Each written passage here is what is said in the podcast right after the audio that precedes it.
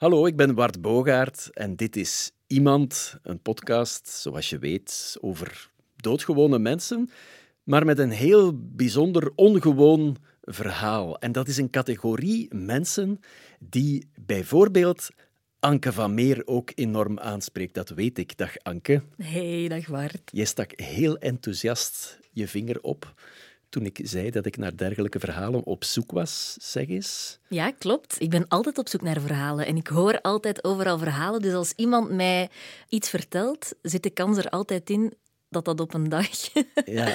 een podcast wordt. Weet je het nog waar en hoe het je is ter oren gekomen? Ja, deze iemand heb ik te horen gekregen van een vriendin. Een eh, vriendin van mij zit in een koor en zij kwam op een dag ehm, bij mij eten en zij vertelde um, dat er een nieuw meisje in haar koorgroep zit. Mm Ja, ze, had daar een paar dingen, ze was daar een paar dingen over te weten gekomen en ze vertelde daarover en ik dacht, wow, daar wil ik meer over weten. Dat was ook ongeveer wat je tegen mij vertelde, net nadat je je vinger had opgestoken. En wat dan ook zo typisch is aan mij, dat is dat ik heel snel enthousiast ben over de verhalen. En nu dus ook zeer benieuwd. Het begint op een... Het verhaal begint op een dak in Antwerpen op een zestiende verdieping.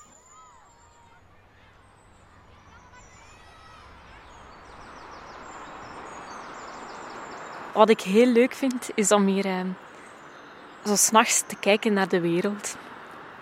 Gewoon naar de stilte en naar zo de eenzame mensen die passeren. Ik vind dat super rustgevend. En ik vind het ook leuk om vanuit dit perspectief naar de mensen te kijken. Ja. We staan op het dak van haar appartement aan de rand van Antwerpen.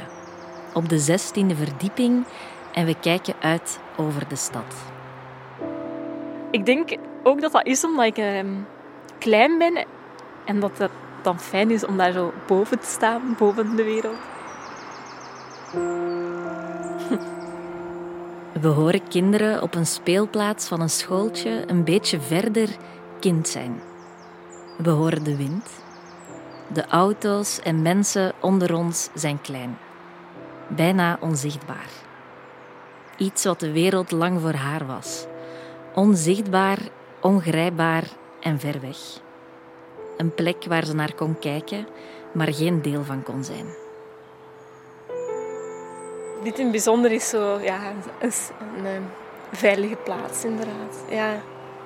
En ik denk dat ik dat ook nodig had, zo een, een soort van speciale plek. Zo. Ja, ik denk het wel. Dus van alle drukte, alle de twee werelden die schreeuwen, zou ik zo zeggen, is hier zo een veilige, neutrale grond. ja, eigenlijk wel. We staan op een dak in een stad en hier, op dit dak, op dit terras, komen twee werelden samen.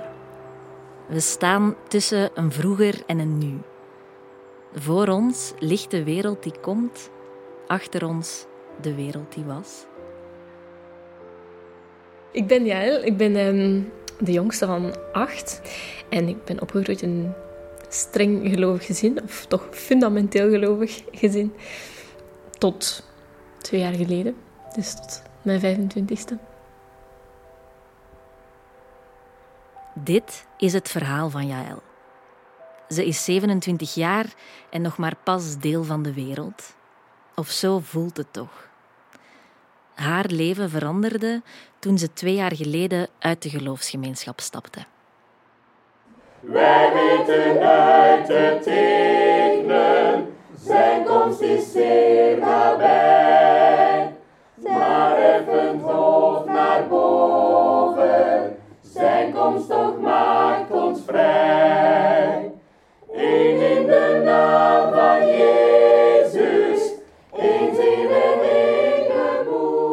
Geloofslandschap is gelijk een bos. Hè. Er zijn zoveel verschillende ja, aftakkingen en, en zoveel verschillende soorten bomen. zoveel verschillende soorten overtuigingen dat het moeilijk is om te zien van wat dat nu echt aansluit bij het persoonlijk geloof.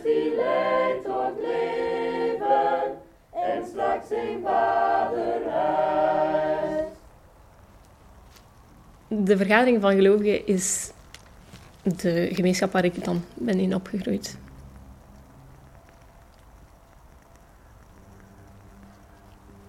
Jaël groeide op in een groot gezin dat in een dorp een paar kilometer verder woont. Aan de achterkant van haar huidige appartementsgebouw, waar we nu zijn. Ze komt uit een broedergemeenschap, de Vergadering van Gelovigen. Dat is een afsplitsing van de Anglikaanse kerk die is ontstaan ergens in de eerste helft van de 19e eeuw.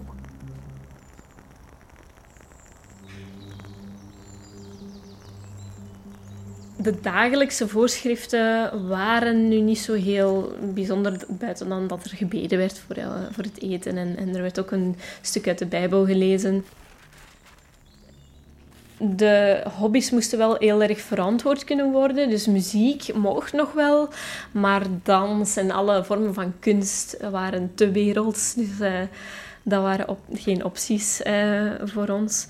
Ah, inderdaad, eh, geen tv, geen radio. De omgang met de wereld moest altijd heel voorzichtig gebeuren. Dus we mochten wel natuurlijk met mensen praten, maar we moesten ons altijd er bewust van zijn dat dat zondaars waren die naar de hel gingen. De kindertijd van Jaël was anders dan die van de meeste kinderen.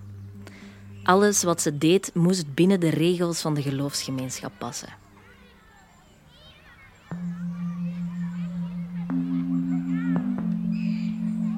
Mijn jeugd was heel gestructureerd. Ehm, zondag was altijd de kerkdag, de dag waar we God eerden. Ik ging altijd met een lange rok naar school. En eh, ja, mijn haar was ook lang, want dat mocht niet geknipt worden. Juwelen werden niet toegestaan. Ehm, ja, en ik denk ook wel dat ik besefte voor het eerst dat ik anders was eh, wat betreft geloof. Wanneer ik vertelde in het eerste leerjaar dat ik eh, ja, altijd eh, een gebed uitsprak voor het eten. En voor mij was dat zo super vanzelfsprekend, maar voor andere kinderen niet. Heer, zegen deze spijs. Ik maakte niet echt deel uit van, van de klas of zo. Of van, van... Ik was anders. En dat was ook goed. Dat werd mij ook altijd gezegd dat het goed was dat ik me anders voelde, omdat ik dan ook ehm, meer besefte wie dat ik was. Wat voor een kind was jij? Heel serieus. Ook heel angstig. Ik was een heel angstig kind. Ik hield mij aan alle regeltjes. Ik rebelleerde niet veel. En ik was ook niet heel erg populair op school. Want ik deed mijn job heel goed en ik ehm, probeerde mensen te bekeren. ik probeerde mensen echt te bekeren. Ik gaf bijbeltjes aan eh, mijn klasgenootjes. En ehm, dat levert niet veel vrienden op. Ehm, dat kan ik wel zeggen.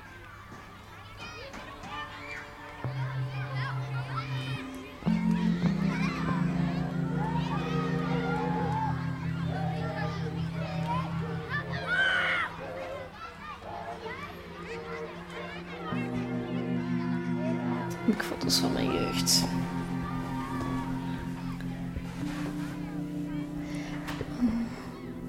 Dan moet ik even ehm, door het archief. hè. Jaël heeft een paar foto's, maar niet veel. Is dat jij? Deze. De gele? Ja, de gele. De meeste foto's liggen nog thuis. Maar daar is ze iets meer dan twee jaar geleden vertrokken. Van de ene dag op de andere. Dit is echt ehm, ja, zoals ze was. Met zo ook een lang kleedje zo. En hier ook, ja. Het ziet dus heel braaf, hè. Op de foto ziet ze eruit als eender welk ander kind. Er is niets dat zou doen vermoeden dat ze voortdurend angstig is. Dit is echt de mooiste foto die mij heel nostalgisch doet voelen. Ehm, dus dit is een foto van mijn moeder toen hij net bevallen was van mij. En naast mij zit mijn broer. En naast hem zit een van haar oudere zussen. Die is 12 jaar op dat moment. Dat is de zus die ook de moeder al heeft overgenomen. Ik denk dat... Hè. Een paar dagen na die foto, dus een paar dagen na de geboorte van Jaël, krijgt haar moeder een hersenbloeding.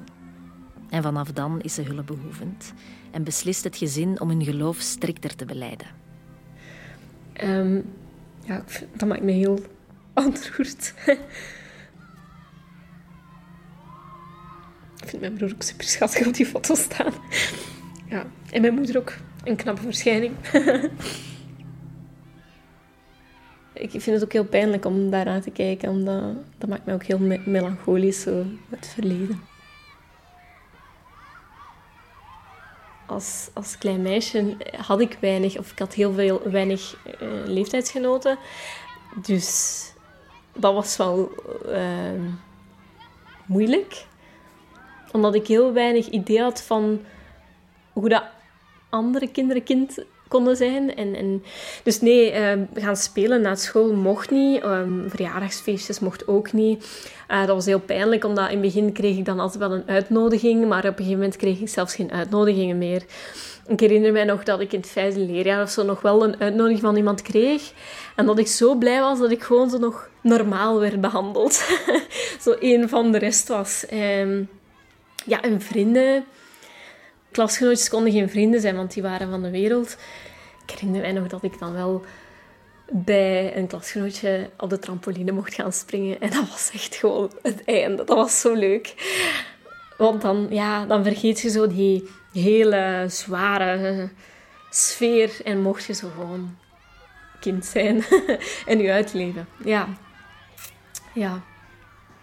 Ik heb me nooit echt goed gevoeld. En ik herinner mij ook dat ik... Ehm, dat ik de weekends echt als een verademing zag, omdat ik dan ook gewoon niet zo gecrispeerd hoefde te zijn. In, op school moest ik constant voorzichtig zijn om niet in de strikken van de duivel te vallen. Zo, hè. Um, op een gegeven moment werd ik ook echt wel gepest. Ja, en middelbaar ook. En ik herinner mij dat de hoogtepunten de weekends waren. Vaak waren er ook bijeenkomsten, conferenties die internationaal waren. En dat was super, want dan ontmoette ik ook mensen van mijn leeftijd. Tijdens die conferenties wordt er in de Bijbel gelezen. En worden er met broeders en zusters van over de hele wereld liederen gezongen. Want samen zingen is een van de meest typische gebruiken binnen de vergadering van gelovigen. Er is één lied waar Jaël bijzondere herinneringen aan heeft. Lees je Bijbel, bid elke dag, opdat je groeien mag. Dat is uh, de tekst. Engels heb je dat ook in elke versie.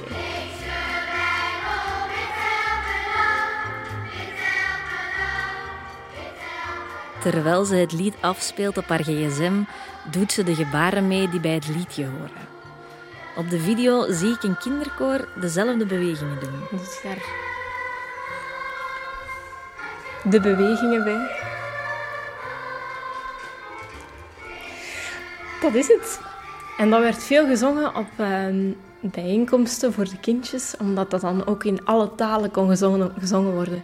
En ook uh, bij veel kinderliedjes werden er um, bewegingen gedaan, zodat het heel goed ingeprent werd in de, de jonge kinderhersenen. Ja, en dat zij ook uh, dat eeuwig gaan herinneren. Ja. Zoals ik nu.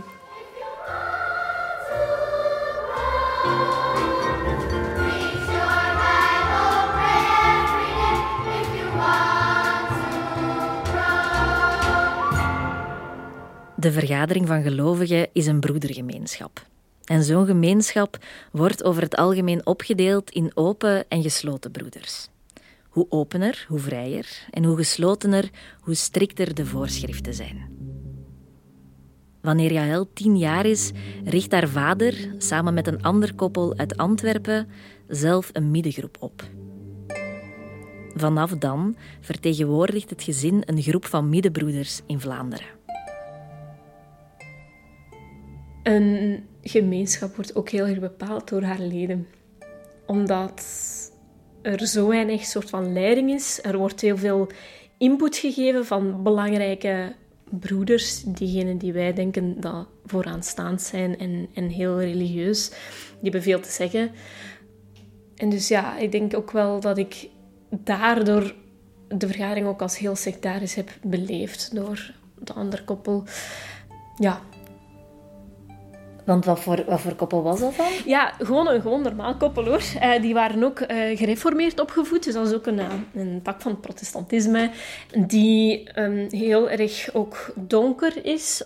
Dat is misschien cliché, maar hè, die kleden zich wat, wat somberder, omdat ze ook constant geloven dat alles wat iemand doet gaat bepalen op het einde van hun leven of dat ze naar de hemel mogen of naar de hel. Dus een heel zwaar, heel donker geloof.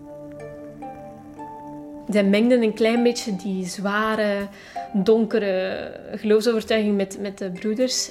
En ik herinner mij als jong kind dat ik echt die verhalen eh, meekreeg van boze geesten.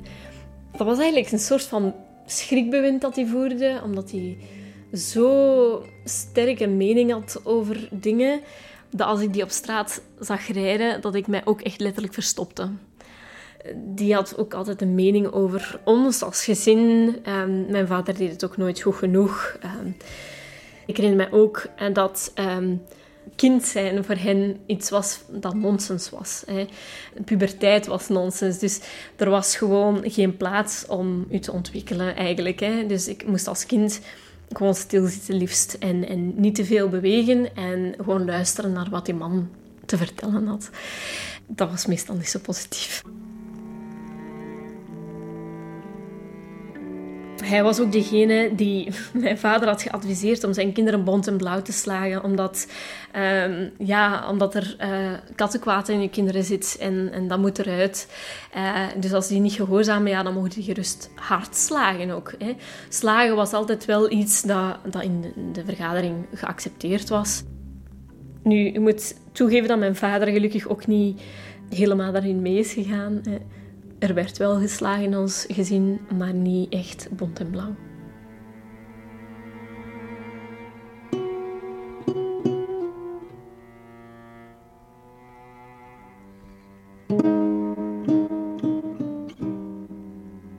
Hoe groot was jullie vergadering? Hoe groot was de gemeenschap die, waarvan jullie gezin dan het centrale punt was? Het was ons gezin en dan dat andere gezin, dus niet zo groot. Uh, die hadden drie kinderen. Dat waren de mensen waarmee ik contact mocht hebben. Althans in België. Dus ja, niet groot. En af en toe kwamen dan, kwamen dan nieuwe mensen. En dan was er wel iemand die zich had bekeerd en naar, ons, uh, naar onze gemeenschap kwam. Maar die heeft zich op een gegeven moment zo verzet omdat ja, er zijn ook zoveel regels. Het is heel moeilijk om ja, u aan alle regels te... Bij ons was dat gewoon heel moeilijk. Er was een heel strikte controle over alles.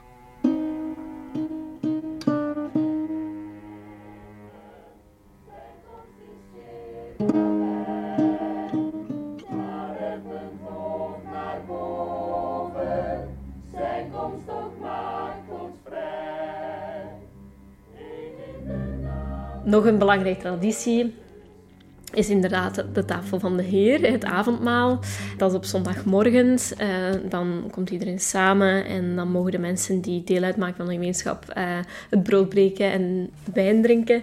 Heel belangrijk daarbij is dat mannen gescheiden zitten van vrouwen vaak.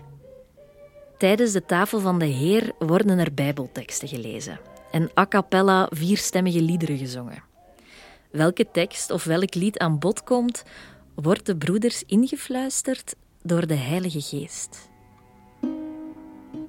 Dat is een heel uh, absurd, abstract begrip. En hoe moet ik mij dat voorstellen? Wie, wie is die Heilige Geest? Ja, ik, ik ga dus niet weten, want ik ben natuurlijk een vrouw, hoewel dat de Heilige Geest ook in vrouwen kan werken, maar die mogen niks zeggen, dus uh, het kan niet zijn dat wij dat, dat voelen. Maar ik, ik vermoed dat het zoiets is dat een ingeving is op het moment en dat dat een moment is waarop een broeder dan recht staat en zegt, we gaan bidden, we gaan zingen, we gaan... Maar soms kan dat wel eens voor conflicten leiden, omdat soms werkt de Heilige Geest, eh, lijkt hij in twee mensen tegelijk te spreken. Ja, is er dan de vraag, wie heeft, wie heeft de geest? Toch wel een beetje een grappige situatie. Die strikte controle en gebruiken binnen de vergadering hadden een grote invloed op Jael. Als kind en als puber. De puberteit is een super moeilijke periode. En ja, ik, ik ik had ook een serieuze, wat ze nu misschien een body dysmorfie noemen. Ik haatte mijn lichaam, ik haatte vrouw zijn. Omdat ook ja, in de geloofsgemeenschap het vrouw zijn zo werd... Uh, dat was een soort van vies of zo. Dus ja, vanaf een jonge leeftijd was ik al zo bewust van hoe dat mijn lichaam eruit zag daardoor. Dat ik, ja, me daar ook voor schaamde. Ik, ja, dat was heel moeilijk. Bijvoorbeeld ook als, als vrouwen een broek droegen, dan werd dat bij ons thuis gezegd, dat is een dikke vette broek. Refereren naar het vrouwelijke vet dat zich vertoonde onder die broek. Ja, dan werd dat ook al snel iets vies.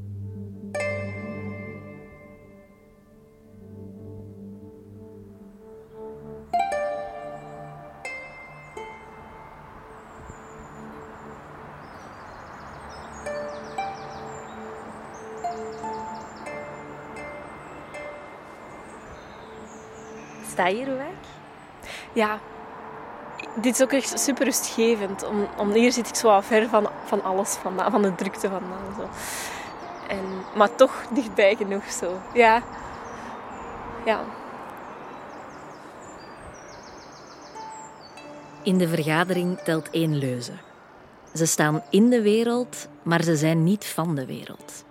Dat wil zeggen dat ze wel werken, dat ze gewoon naar school gaan, naar de bakker, naar de slager, naar de supermarkt, maar ze trekken zich op tijd terug, in hun eigen kleine bubbel. Hier, van op het terras op de 16e verdieping, lijkt het of we de hele wereld kunnen zien. ja, ik ben enorm nieuwsgierig ook, hè, dus ik kan alles zien. dat is leuk. De wind waait de wereld binnen. Haar wereld.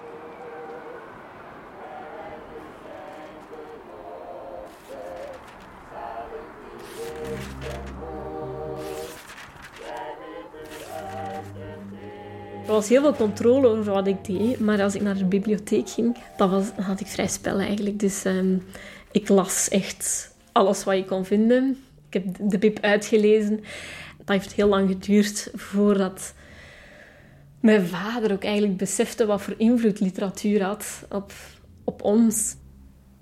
Als ik las, dan leefde ik in mijn gedachten. En mijn gedachten, mijn fantasieën, ja, daar heeft niemand iets over te zeggen. Dus dat was mijn eigen wereldje.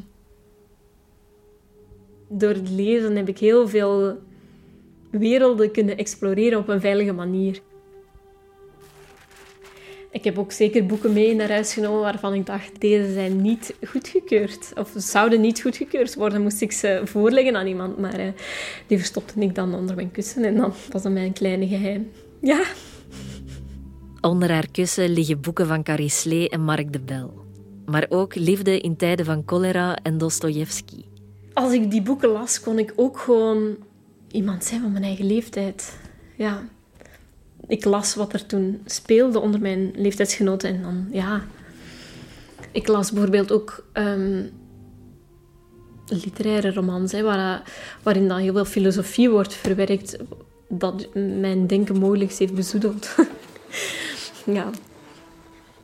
Elke week gaat Jaël naar de bibliotheek voor een nieuwe lading verboden boeken.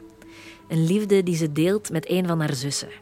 Mijn zus was leerkracht Nederlands. Dus die had een heel eh, uitgebreide boekenkast. En ik deelde met haar de kamer, want ja, een gezin van acht. En ik las dan ook de boeken die zij ehm, kocht en, of meenam. Ehm, maar het is door mijn zus dat mijn vader ook door had dat de boeken ook schadelijker waren, of literatuur schadelijker is dan dat hij zou kunnen denk- ja, denken. De zus van Jaël heeft haar niet alleen geïnspireerd tot het lezen van boeken. Ze speelt ook een grote rol in het verlaten van de vergadering. Ja, mijn zus die, ehm, dat was een heel extravert persoon. Iemand die heel... Die leeft, of leefde heel graag. En ja, die eh, op een gegeven moment herinner ik mij ook dat hij bijvoorbeeld uitging. Wij baden dan, totdat mijn zus terugkwam. En op een gegeven moment hoorden wij niks meer van onze zus. Jaël is dan 16 jaar. Haar zus 24. En ehm, op, een eh, op een avond zei mijn vader van... Uw zus heeft van allerlei dingen misdaan, ook op seksueel gebied. Ehm, en nu zit hij in een soort van ban. En ze moest dus in een soort van quarantaine. Al haar boeken werden weggegooid. Ehm, als ze dvd's al had, dan werden die ook weggegooid. En, en, ze is helemaal binnenste buiten gekeerd, alleszins na een paar maanden en, en strenge gesprekken. En um, mocht dan uiteindelijk toch nog terug naar de gemeenschap. Ik moet zeggen dat als ik nu mijn zus zie, dat ik haar niet meer herken. Die is echt helemaal... En de temperamentvolle, levenslustige zus is nu eigenlijk een, een max-schaapje dat zich conformeert aan de sociale regels.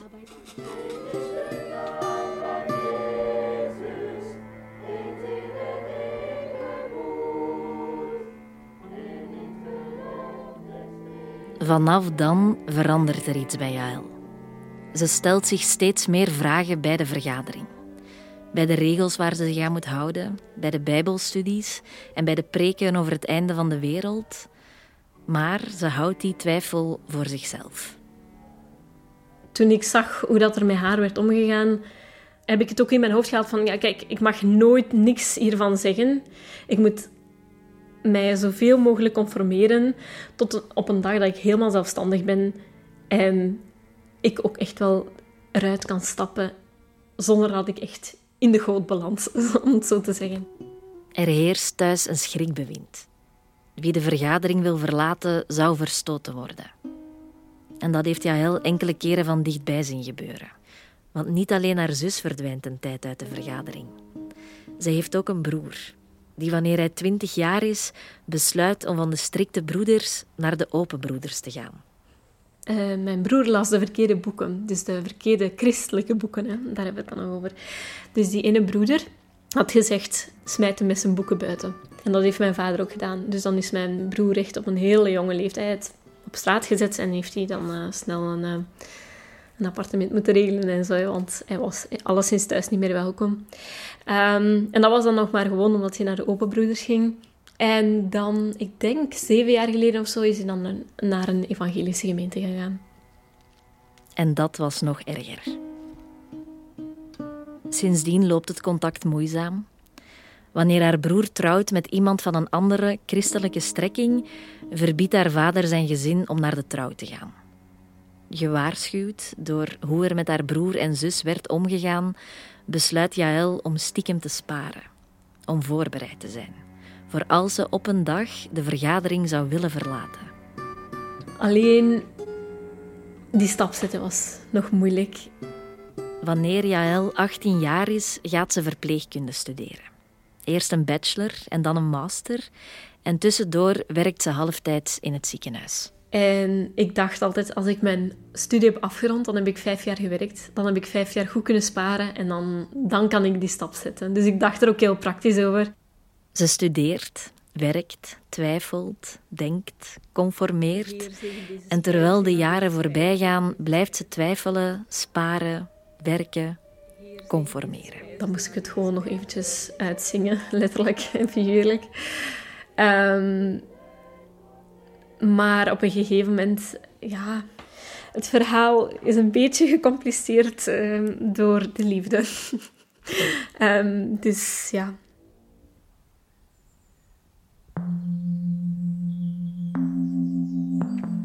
Ik heb iemand leren kennen op het werk. Heel cliché, dus de verpleegster met de arts in opleiding. Um...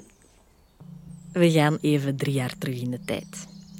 Jaël is 24 jaar, het is corona en ze werkt in het ziekenhuis. Ja, in het begin was dat heel onschuldig. Hè. Dan, dan spraken we af, want het was nog in de covid-periode. Dan, uh, dan bracht ik hem koffietjes of dan gingen we uh, op het dak van het ziekenhuis uh, eten. Wat dan toch een beetje stiekem was. Op het moment dat Jaël Pieter leert kennen, had ze al wel haar twijfels bij de vergadering. Maar ook al bereidt ze stiekem alles voor om op een dag te kunnen vertrekken, toch is ze nog niet helemaal zeker. Ze is omgeven door diepgelovige mensen en er is geen netwerk daarbuiten. En Pieter is ook niet gelovig. En voor niet-gelovigen moet ze oppassen. Dat leerde ze al toen ze kind was. Ook al voelt ze van alles, ze weet dat het niet mag, maar haar gevoelens groeien en die kan ze niet meer alleen voor zichzelf houden. En dan heb ik er lang over nagedacht en te raden gegaan bij mensen. Maar ja, 99% van de mensen die ik op dat moment kende, waren ook van de vergadering, of tenminste gelovig.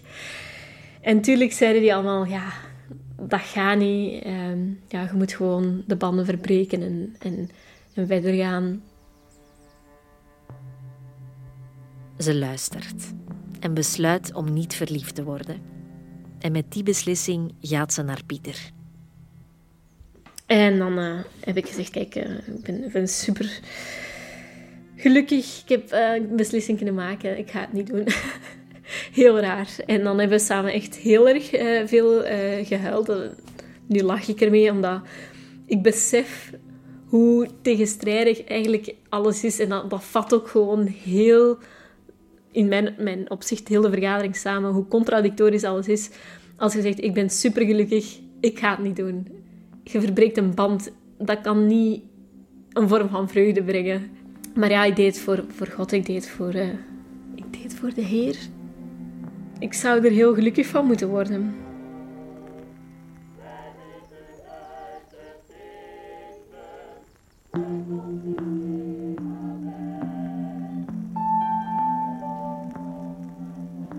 En dan ik het s'avonds had ik heel het verhaal verteld aan mijn vader die was heel lief en die zegt: oh, Ik ben zo trots op u. In zijn perceptie is dat echt iets heel lief dat hij heeft gezegd. Maar nu besef ik meer van: ja, dat is super, super toxisch. Als uw hart gebroken is, je horen van: Oh, Garme, kom hier. En ook van: Ja, ik hou van u. En ook welke beslissing je ook maakt, ik hou van u. En met die ene zin van: Ik ben trots op u werden opeens alle voorwaarden blootgesteld aan de liefde van mijn vader voor mij. En dat heeft mij heel veel, heel veel vragen doen stellen. Zoveel vragen dat het opeens allemaal heel duidelijk wordt. Ze wil vertrekken.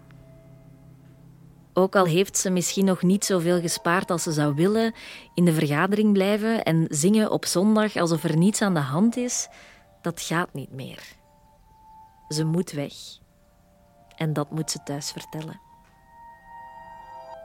Vanaf dan is echt de sfeer tegen mij helemaal omgekeerd. Um, als in, ik was meer een, een vijand dan iemand die part of the, the gang was. ik was mogelijk een bedreiging, misschien ook voor hun levensstijl en voor hun ideologie. Ze zoekt en vindt in snel tempo een appartement en trekt naar een zestiende verdieping een beetje verder. Het appartementsgebouw ligt op amper een paar kilometer van haar ouderlijke huis. In vogelvlucht zelfs maar een paar honderd meter. Maar het lijkt veel verder. Want verhuizen wil ook zeggen weg van de vergadering. Weg van haar familie. Weg van de plek die 25 jaar lang haar wereld was. De enige wereld.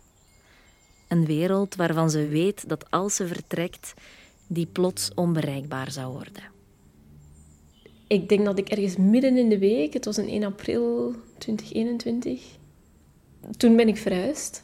En die zondag ben ik niet meer naar de vergadering gegaan. Ik heb dat niet durven zeggen, ik heb niet durven bellen. Ik heb gewoon heel laf een bericht gestuurd naar mijn vader van ik ga niet komen. En ik denk ook niet dat ik de volgende keer ga komen. Wat, heb je die dag gedaan? herinner mij dat niet, niet echt. Ik herinner mij wel een, een schuldgevoel, een enorm schuldgevoel. Ik denk dat ik uitgebreid heb ontbijt. Uitgeslapen, ontbeten en ik heb een boek gelezen, denk ik ook wel. Ik heb twee boeken gekocht toen ik dus verhuisd ben. Ik ben naar eh, de stad Lees gegaan. Ik heb twee boeken gekocht, verboden boeken. En het is Milan Kundera, De ondraaglijke lichtheid van bestaan. En Willem Elschot, De verlossing. ja, ik denk dat dat al genoeg zegt. en vermoedelijk was ik toen een van die twee boeken aan het lezen. Ja, ja dat, was, dat was goed. Dat voelde heel bevrijdend aan. Er was ook rust in mijn hoofd. Dat is zo, ah ja, nu word ik niet gebombardeerd door iedereen zijn mening, maar kan ik gewoon zo ja, rust, rustig zijn, eh, rustig leven. Daar komt het neer. Ze probeert in het begin nog wel contact te houden met thuis. Maar het was heel duidelijk dat ze daar niet meer welkom is. De eerste maanden nadat ik verhuisd ben, uh, waren vreselijk. Allee, ik denk dat ze heel graag afkwamen met dingen die mij financieel minder sterk deden maken. Zo, opeens moest ik nog wat dingen betalen. Als het niet dat had geweest, dan had het iets anders geweest. Ze wilden gewoon nog controle over mij en deden dat door middel van mij verantwoordelijk te stellen voor alles wat er misging. En er was altijd iets, maar dat was heel, heel raar. Of bijvoorbeeld, um, het was de verjaardag van mijn zus. En dus ze vroeg of dat ik afkwam voor haar verjaardag. En ik zeg, ja, tuurlijk. Ja, ik stap binnen en mijn vader bekijkt me van kop tot teen en zegt van... Ja, nee. Nee, in het vervolg wil ik dat je je persoonlijk aanmeldt bij mij. Ja, hartelijk was dat niet, hè.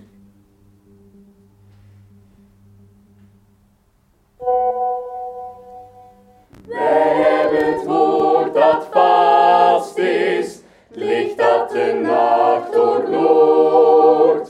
Wij hebben zijn belofte.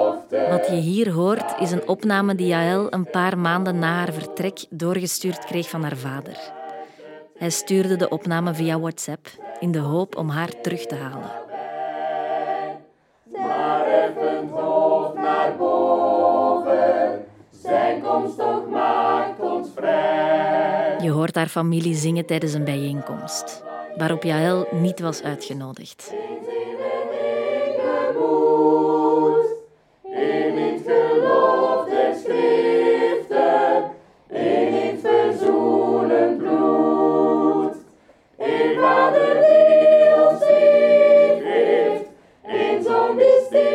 Aan het kruis.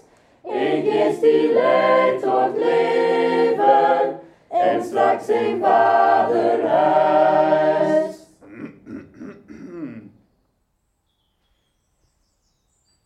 Het zijn moeilijke maanden.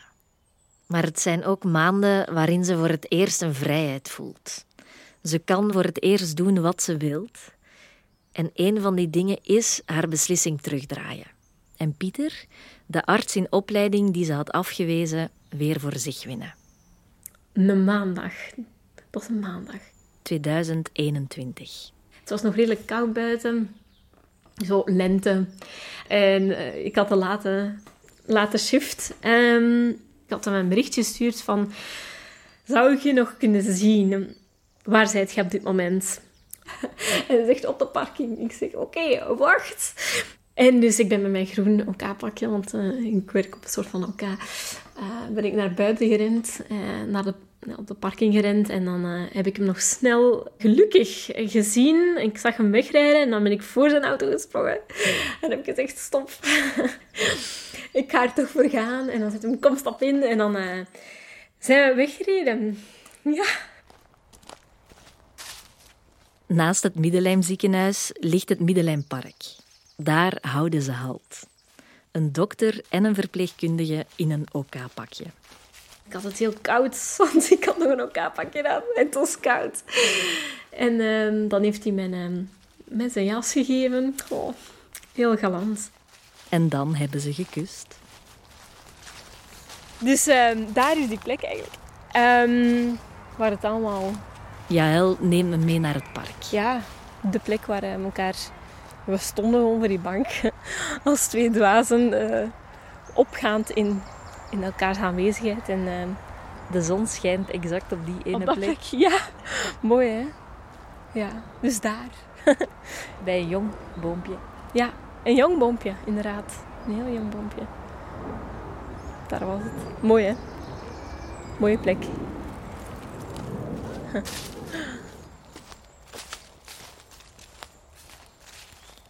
Drie maanden na haar vertrek gaat ze thuis vertellen dat ze een lief heeft. Het is een moeilijk gesprek dat ze zich nog herinnert alsof het gisteren was. Het hoopgevende van het gesprek was dat ik altijd nog welkom was als Pieter mij bezwangerd had en, eh, en hij van mij weg was gegaan. En dan mocht ik nog altijd terug naar huis komen. Zo al- als in van, als je er toch alleen voor staat, gebroken en alleen. En ze zullen mij ook eh, met open armen ontvangen, op één voorwaarde dat ik compleet gebroken ben en ellendig. En eh, ja, toen voelde het heel alleen, want dan had ik echt geen familie meer. Of het was echt zo alleen op de wereld. Je zit heel erg beschermd opgevoed, maar opeens hetgene wat dan nog mocht of wat er nog was, dat valt dan ook weg. Dat maakt mij soms wel een beetje boos, omdat ze heel goed weten dat dat het echt het belangrijkste middel is om iemand te overtuigen en om terug te komen, is echt gewoon dat er geen sociaal netwerk is om, om je op te vangen als je de beslissing maakt om anders te leven. Maar af en toe vond ik dan een moed om mijn vader te bezoeken en dan, um, ja, dan was dat een heel negatieve sfeer. En ik denk dat het de laatste keer was, in, ja, recentelijk, in februari. En dan um, had hij gezegd uh, dat ik in zonde leefde en dat dat het belangrijkste in mijn leven is dat ik mij bekeer. Uh, en dan zei hij, um, pas maar op dat God je niet straft. Of nog erger, dat God um, Pieter niet straft voor je zonde. Ja, dat zijn heel zware uitspraken. En ik denk niet dat hij beseft dat dat zo zo'n zware uitspraak is, omdat inderdaad, er kunnen dingen mislopen. Alleszins, ja, twee dagen later, maar echt letterlijk twee dagen later, uh, ja, heeft Pieter ontdekt dat hij um, testiskanker heeft gehad. Nu mag ik zeggen dat het verleden tijd is, gelukkig. Ja, dat is gewoon... Ik voelde mij heel schuldig. Um, ik denk dat van alles wat je vertelt, dat dit nog het moeilijke is. Dat om toe te geven gewoon dat het heel zwaar is en dat ik heel veel last heb van hun woorden, omdat het, dat ook hetgene is wat ze willen bereiken. En ik wil daar zo niet echt aan toegeven. Maar ja, ik heb, heel, ik heb me heel schuldig gevoeld. Ik dacht ook van, ja, Pieter gaat ga, ga sterven. Echt gewoon, ja, als iets um, 25 jaar, of was het 24 jaar, lang um, waarheid voor u is geweest, dan is het moeilijk om daar ook gewoon afstand telkens weer van te nemen. Ja, dat is een moeilijk proces, maar.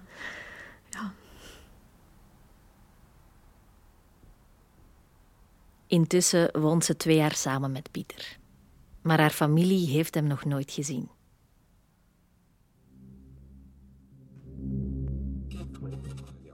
Terwijl haar familie liederen zingt over de Heilige Geest, de Bijbel, bidden en de Heer, ontdekt Jaël elke dag nieuwe dingen. Haar wereld lijkt plots zo groot en er is zoveel te ontdekken. De wereld klinkt opeens ook anders. Alle muziek waar ik, waar ik daarvoor nooit naar luisterde, staat een beetje symbool daarvoor. ik luister wel naar de radio in de winkel bijvoorbeeld, of zo de per ongelukke momenten dat ik naar de radio luister. Maar dat mocht nooit beluisterd worden, dus dat was ook niet echt muziek dat ik luisterde bijvoorbeeld een liedje dat ik ook zo heel um, mooi vond. Was zo, of, dat is eigenlijk raar dat dat mooi is, maar zo Ain't Got No van Nina Simone, dat is zo'n beetje... Dat heeft me ook wel door die periode zo geholpen. Uh, zeker die uh, lyrics, Ain't Got No.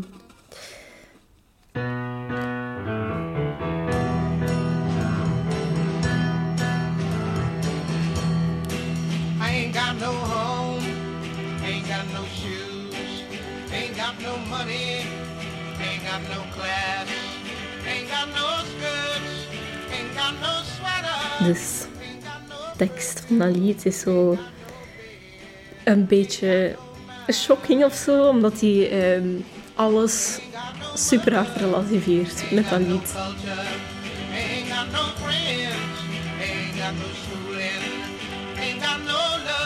Op een gegeven moment zegt ze dan wat ze wel heeft. En dat is dan ook zo een beetje shocking, omdat um, in de vergadering dat dingen zijn dat je zo niet echt bewust hebt.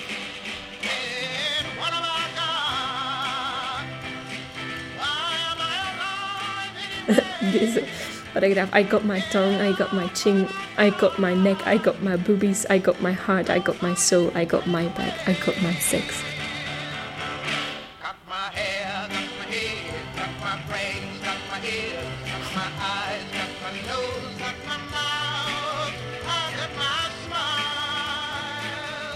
Dat zijn dingen die van de Heer zijn in, in de geloofsgemeenschap. En, en dat liet zich niet maar dat is van mij.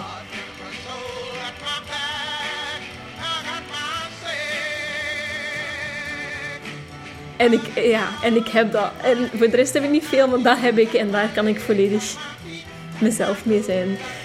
Dat vond ik echt een heel mooi lied. Ja.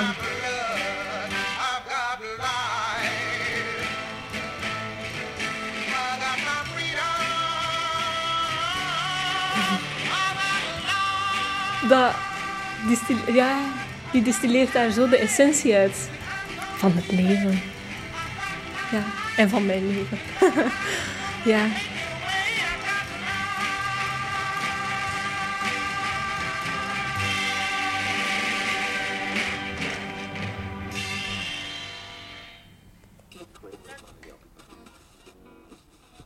Wat, iets ook dat mij zo eenzaam doet voelen en dat zo opvalt als je uit zo'n geloofsgemeenschap stapt, is hoe weinig er gezongen wordt in de wereld over het algemeen. En hoe, hoe, hoe negatief dat ook wordt gezien als er bijvoorbeeld iemand op straat zingt of zo. Of, of, ja, zingen is gewoon geen deel van de samenleving.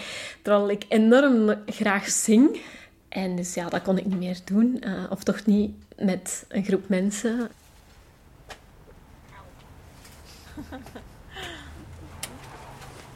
Het is maandagavond. Even oppassen, ja. En ik fiets samen met Jaël en een vriendin naar de koorles. Hoe lang zit je eigenlijk al met koor? Eh, dit is het eerste jaar. Toch? Vorig jaar ben ik begonnen. Dus exact Ja. een jaar nu. Ja. Is het. Eigenlijk gaat dat wel heel snel. Toen Jaël uit de vergadering stapte, moest ze plots op zoek naar een nieuw netwerk. En dat vond ze hier, bij Famuse. Nee, nee, nee, nee, nee, nee, nee, nee, nee, nee,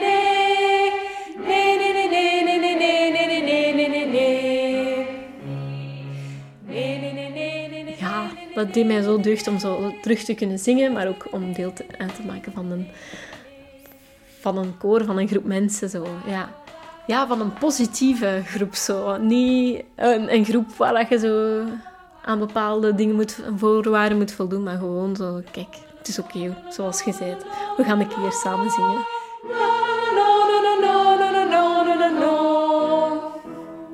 Ik ben mij er misschien niet altijd even goed van bewust, maar er zijn heel veel invloeden van, van mijn achtergrond die mij motiveren, denk ik. En ik zou de, alles voor mijn 25e willen omschrijven, denk ik, als ehm, donker, maar zorgend, controlerend en eenzaam. Er is veel liefde, maar die is super voorwaardelijk.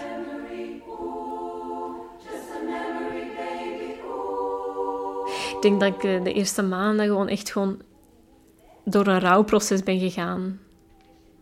Maar ik denk dat ik mijn familie meer mis, diegenen die ze waren voordat ik weg was. De familie die ik nu leer kennen, is niet per se de familie waar ik, ja, die ik mis.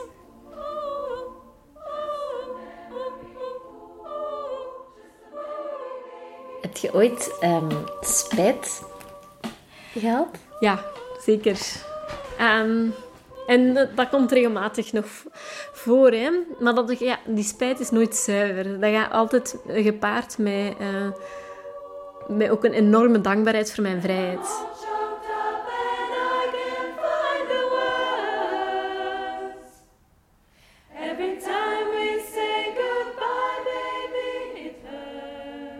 Dus ja, spijt. ehm, misschien is meer zo wel een, ehm, een verdriet om wat was of zo. Eh, eh, Mijn enorme droom zou zijn om terug deel te kunnen mee, eh, ja, uitmaken van dat, van, die, van dat gezin. Omdat we waren zo hecht en is dat spijt? Nee, ja.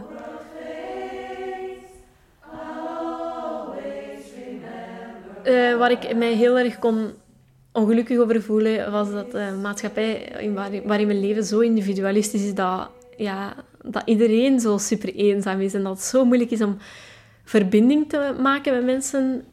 Dat beseft je misschien niet als je daar gewoon in opgroeit en je eigen vriendenkring hebt, maar het is zo ontzettend moeilijk om, om vriendschappen te hebben en op zo'n niveau, zoals in de vergadering, of, of zo'n gastvrij te kunnen beleven, zoals in de vergadering.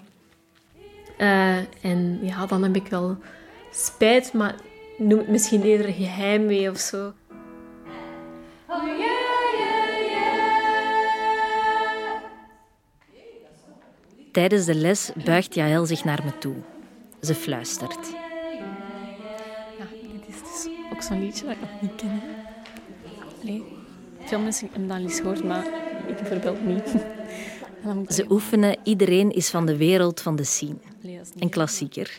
Maar voordat ze het lied een paar weken geleden begonnen te zingen, had Jaël er nog nooit van gehoord. Toch een stukje niet van de wereld, Effie. Maar binnenkort wel. Toch een stukje niet van de wereld. Maar binnenkort wel.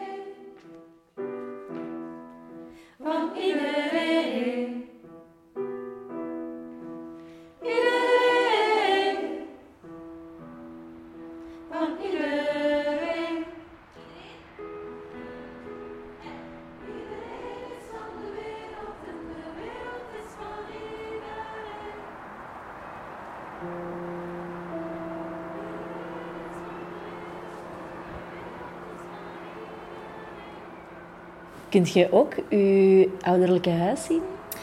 Dan kan ik langs uh, de andere kant, daar zie ik hoven. En... Dus dat is zo uh, achter mij, letterlijk. Dat is zo grappig. Ja. En daar staat je ook minder. Ja, die wereld is inderdaad achter mij. Ja. We staan op het dak, op een zestiende verdieping in Antwerpen. Het is niet dat je niet meer gelovig bent, hè? Nee, nee, helemaal niet. Uh, Nee, helemaal niet. Maar dus op een heel uh, transcendente manier, inderdaad. Ik had altijd iets anders verwacht van die transformatie. Ik dacht dat dat binnen de vergadering zou zijn, maar uiteindelijk uh, is het toch anders verlopen. We staan ergens in een soort van tussenruimte. Een plek in het midden, tussen twee werelden. Het was onvermijdelijk. Echt. Ook al brengt dat heel pijnlijke situaties met zich mee. Of een, een leven dat overschaduwd wordt door, door verlies en door, ja, door pijn toch wel. Omdat ja, ik heb daardoor heel veel moeten achterlaten. En uh, ik heb me daardoor echt wel in een positie gezet dat ik echt altijd het buitenbeentje ga zijn. Voor de maatschappij ben ik altijd anders, omdat ik zo ben opgevoed. Ik heb mijn wortels in dat geloof. En, en die dingen kunnen we nooit achterwege laten. Maar langs de andere kant ga ik ook nooit meer bij de gelovigen horen. Oh, en zeker niet van, bij de gelovigen van de vergadering. Ja, dat is, dat is pijnlijk. Dat, is, dat confronteert u heel erg met je existentiële eenzaamheid. Iedereen heeft dat, maar sommige mensen worden daar meer mee geconfronteerd of dat wordt meer bijna tastbaarder. Ik kan soms raar doen, omdat dat is een andere wereld voor mij. Dus ja, ik heb daar zo wel schrik voor dat ik dan zo dingen zou doen waarop duidelijk wordt dat ik zo heel... Ja, zo... Dat ik vreemd ben. Niet van hier. ja. Gewoon te koer. Allee, hoe danst je? Het leven... Ja, welke kleren moet je aandoen? Als je dan een limietloze keuze hebt, wat kiest je dan om aan te doen? En die dingen zijn al zo moeilijk. Nu is er keuze. En nu moet ik weten wie dat ik ben, zonder dat uh, het strikte kader van het geloof uh, mij daarbij helpt. Dus ik moet, ja...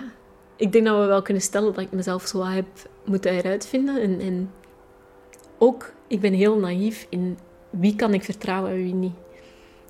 Daarvoor was iedereen in de wereld slecht wie is er nu echt slecht en wie is er goed. Dat sociaal aanvoelen heb ik niet echt mogen of kunnen ontwikkelen. En dat is iets wel dat ik soms lastig vind. Dus dat zijn groeipijnen. Maar, uh, maar ja, het moest.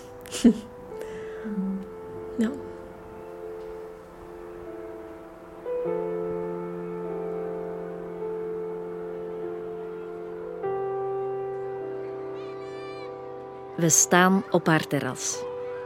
Het is herfst en voor ons zien we het Middelheim ziekenhuis. Het park. Spelende kinderen. Achter ons, aan de andere kant van haar appartement, ligt haar geboortedorp. De vergadering. De wind waait en als we heel goed luisteren, horen we in de verte gezang.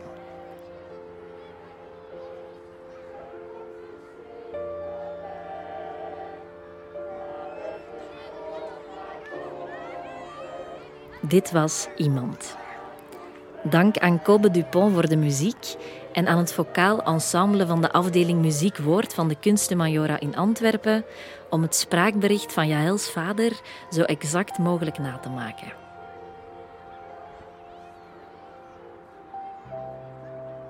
En dank aan Jaël om me voor even deel te laten worden van haar wereld.